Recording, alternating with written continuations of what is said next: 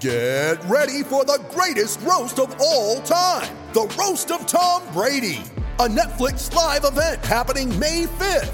Hosted by Kevin Hart, the seven time world champion gets his cleats held to the fire by famous friends and frenemies on an unforgettable night where everything is fair game.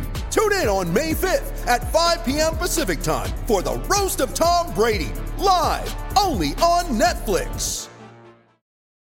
You ready? Showtime. On May 3rd, summer starts with The Fall Guy. Let's do it later. Let's drink a spicy margarita. Make some bad decisions. Yes. Audiences are falling in love with the most entertaining film of the year. Fall guy. Fall guy. Fall guy. That's what the poster said. See Ryan Gosling and Emily Blunt in the movie critics say exists to make you happy. Trying to make it out? Nope. Because I don't either. It's not what I'm into right now. What are you into? Talking. Yeah.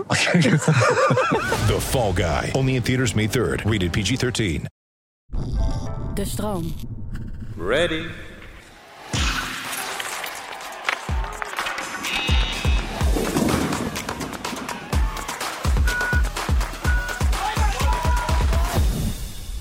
Je luistert weer naar een nieuwe warming-up van de Olympische Winterspelen. Ik ben Humberto Tan en dit is dag 15 van de Spelen. Vrijdag 18 februari 2022. Het wordt vandaag een geweldige dag. Uiteraard, ik ben altijd hoopvol, dus eigenlijk wordt elke dag een geweldige dag. Maar vandaag wordt bijvoorbeeld in duo's op kunstschaatsen gereden en spelen de vrouwen de halve finales bij het curling. Het laatste weekend van de Spelen belooft dus heel veel moois. Maar ik kijk op deze vrijdag in het bijzonder uit naar de sport die zijn oorsprong vindt in 1880 in de Zwitserse bergen. Het bobsleeën. De slees hebben we al een eh, paar dagen gezien de afgelopen dagen. En ook al is het einde van de Spelen in zicht, het bobsleetoernooi is nog lang niet klaar. De bobsleebanen zijn bedekt met een dunne laag ijs, kennen haarspeldbochten van wel 180 graden en bobs met vier mensen erin kunnen wel 160 km per uur gaan. En dan krijg je op de Nederlandse snelwegen uiteraard een dikke bon voor. Met de Olympische Spelen kan je daar een medaille mee winnen. Maar het gaat niet altijd goed in de bobslee met die snelheden. We gaan terug naar de Spelen in Vancouver van 2010. Het is 12 februari en het toernooi moet nog beginnen. Er wordt ondertussen al wel volop geoefend op de Canadese banen en pistes. Edwin van Kalker is piloot en daarmee aanvoerder van de Nederlandse viermansbob. Op 12 februari komt hij aan in het Olympisch dorp samen met zijn broer Arnold, die remmer in diezelfde bob is. Sibren Jansma en Timothy Beck zijn de andere ploeggenoten. En zij maken dus de bob compleet. En de sfeer zit er echt goed in, want deze bobcombinatie maakt namelijk serieus kans op de eerste Nederlandse bobslee-medaille ooit. Alle voortekenen waren zeer positief voor de bobbers. De broers richten hun kamer in, pakken de spullen uit en Edwin zet de tv aan. En via een soort internetverbinding in die periode, in die tijd, kunnen de sporters kijken naar live beelden van de trainingen die er in Vancouver bezig zijn. En daar zien Edwin en Arnold hoe een Georgische rodelaar loeihard de baan afzuist. En binnen een paar seconden springt het scherm op zwart. Ze zien live hoe de rodelaar uit de bocht vliegt en als een soort lappenpop neerkomt aan de zijkant van de baan. Hij is op slag dood. Een vreselijk ongeluk, maar ook met hele rare palen langs die baan, waarvan je meteen afvraagt: is dat wel oké, zulke palen langs een baan? Nou, door het ongeluk van de Georgiër maakt het duidelijk dat dat niet oké was. Edwin van Kalker en zijn broer zijn de baan in Vancouver al een paar keer afgegaan, een jaar eerder in 2009, toen de bouw net klaar was. De baan was bedacht op maximale snelheden van 135 km per uur.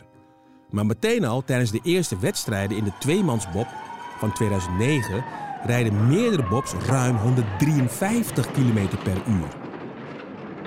Edwin en Arnold die zoeven tijdens een training met 150 per uur over de baan en in bocht 13 staat hun teamgenoot Sibren Jansma te filmen. En het gaat mis. Ze crashen. De broers schaven langs de ijsmuur. Het duurt ongeveer 7 seconden. En je voelt het ijs langs je hoofd schuren. Je voelt je schouder branden, zegt Arnold er later over. Arnold van Kalker belandt samen met een ander teamlid in het ziekenhuis. Maar het gebeurt nog een keer. Een jaar later, als er getraind wordt voor de Spelen op diezelfde baan, gaat de Nederlandse tweemansbob opnieuw onderuit. En niet als enige. Meerdere teams crashen en alle ambulances in de buurt moeten worden ingezet. Voor de piloot van het Zwitserse team is dit de druppel. De moeder van Edwin en Arnold staat ondertussen langs de baan in tranen. Ze kan gewoon niet meer aanzien. En beide broers hebben zelf een gezin. Ze hebben kinderen. En dan, met dit allemaal in zijn hoofd, neemt Edwin van Kalker een beslissing die niemand zag aankomen. Ook zijn ploeggenoten niet. De crashes die ze maakten tijdens de trainingen.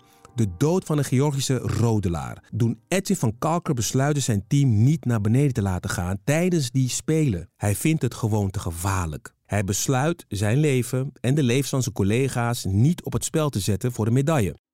Het toernooi waar Nederland voor het allereerst ooit kanshebber was op een medaille in het bobsleeën, eindigt zonder ook maar één run te sleeën. Nou, de reacties zijn heftig en zelfs zijn eigen bobsleebond valt hem af. Gewoon echt een harde schop in zijn ballen nodig, om het maar even heel oneerbiedig te zeggen. En uh, moet daar gewoon starten. Het is een besluit wat bij veel mensen slecht ontvangen wordt. Het is een van de meest besproken beslissingen in de Nederlandse sportgeschiedenis. En de vraag die hieruit voortvloeit is dan natuurlijk: was de keuze om niet te gaan sleeën slap of was het juist dapper? Oordeel zelf. Maar als ik het zou moeten zeggen, was het een dapper besluit van Edwin van Kalkar.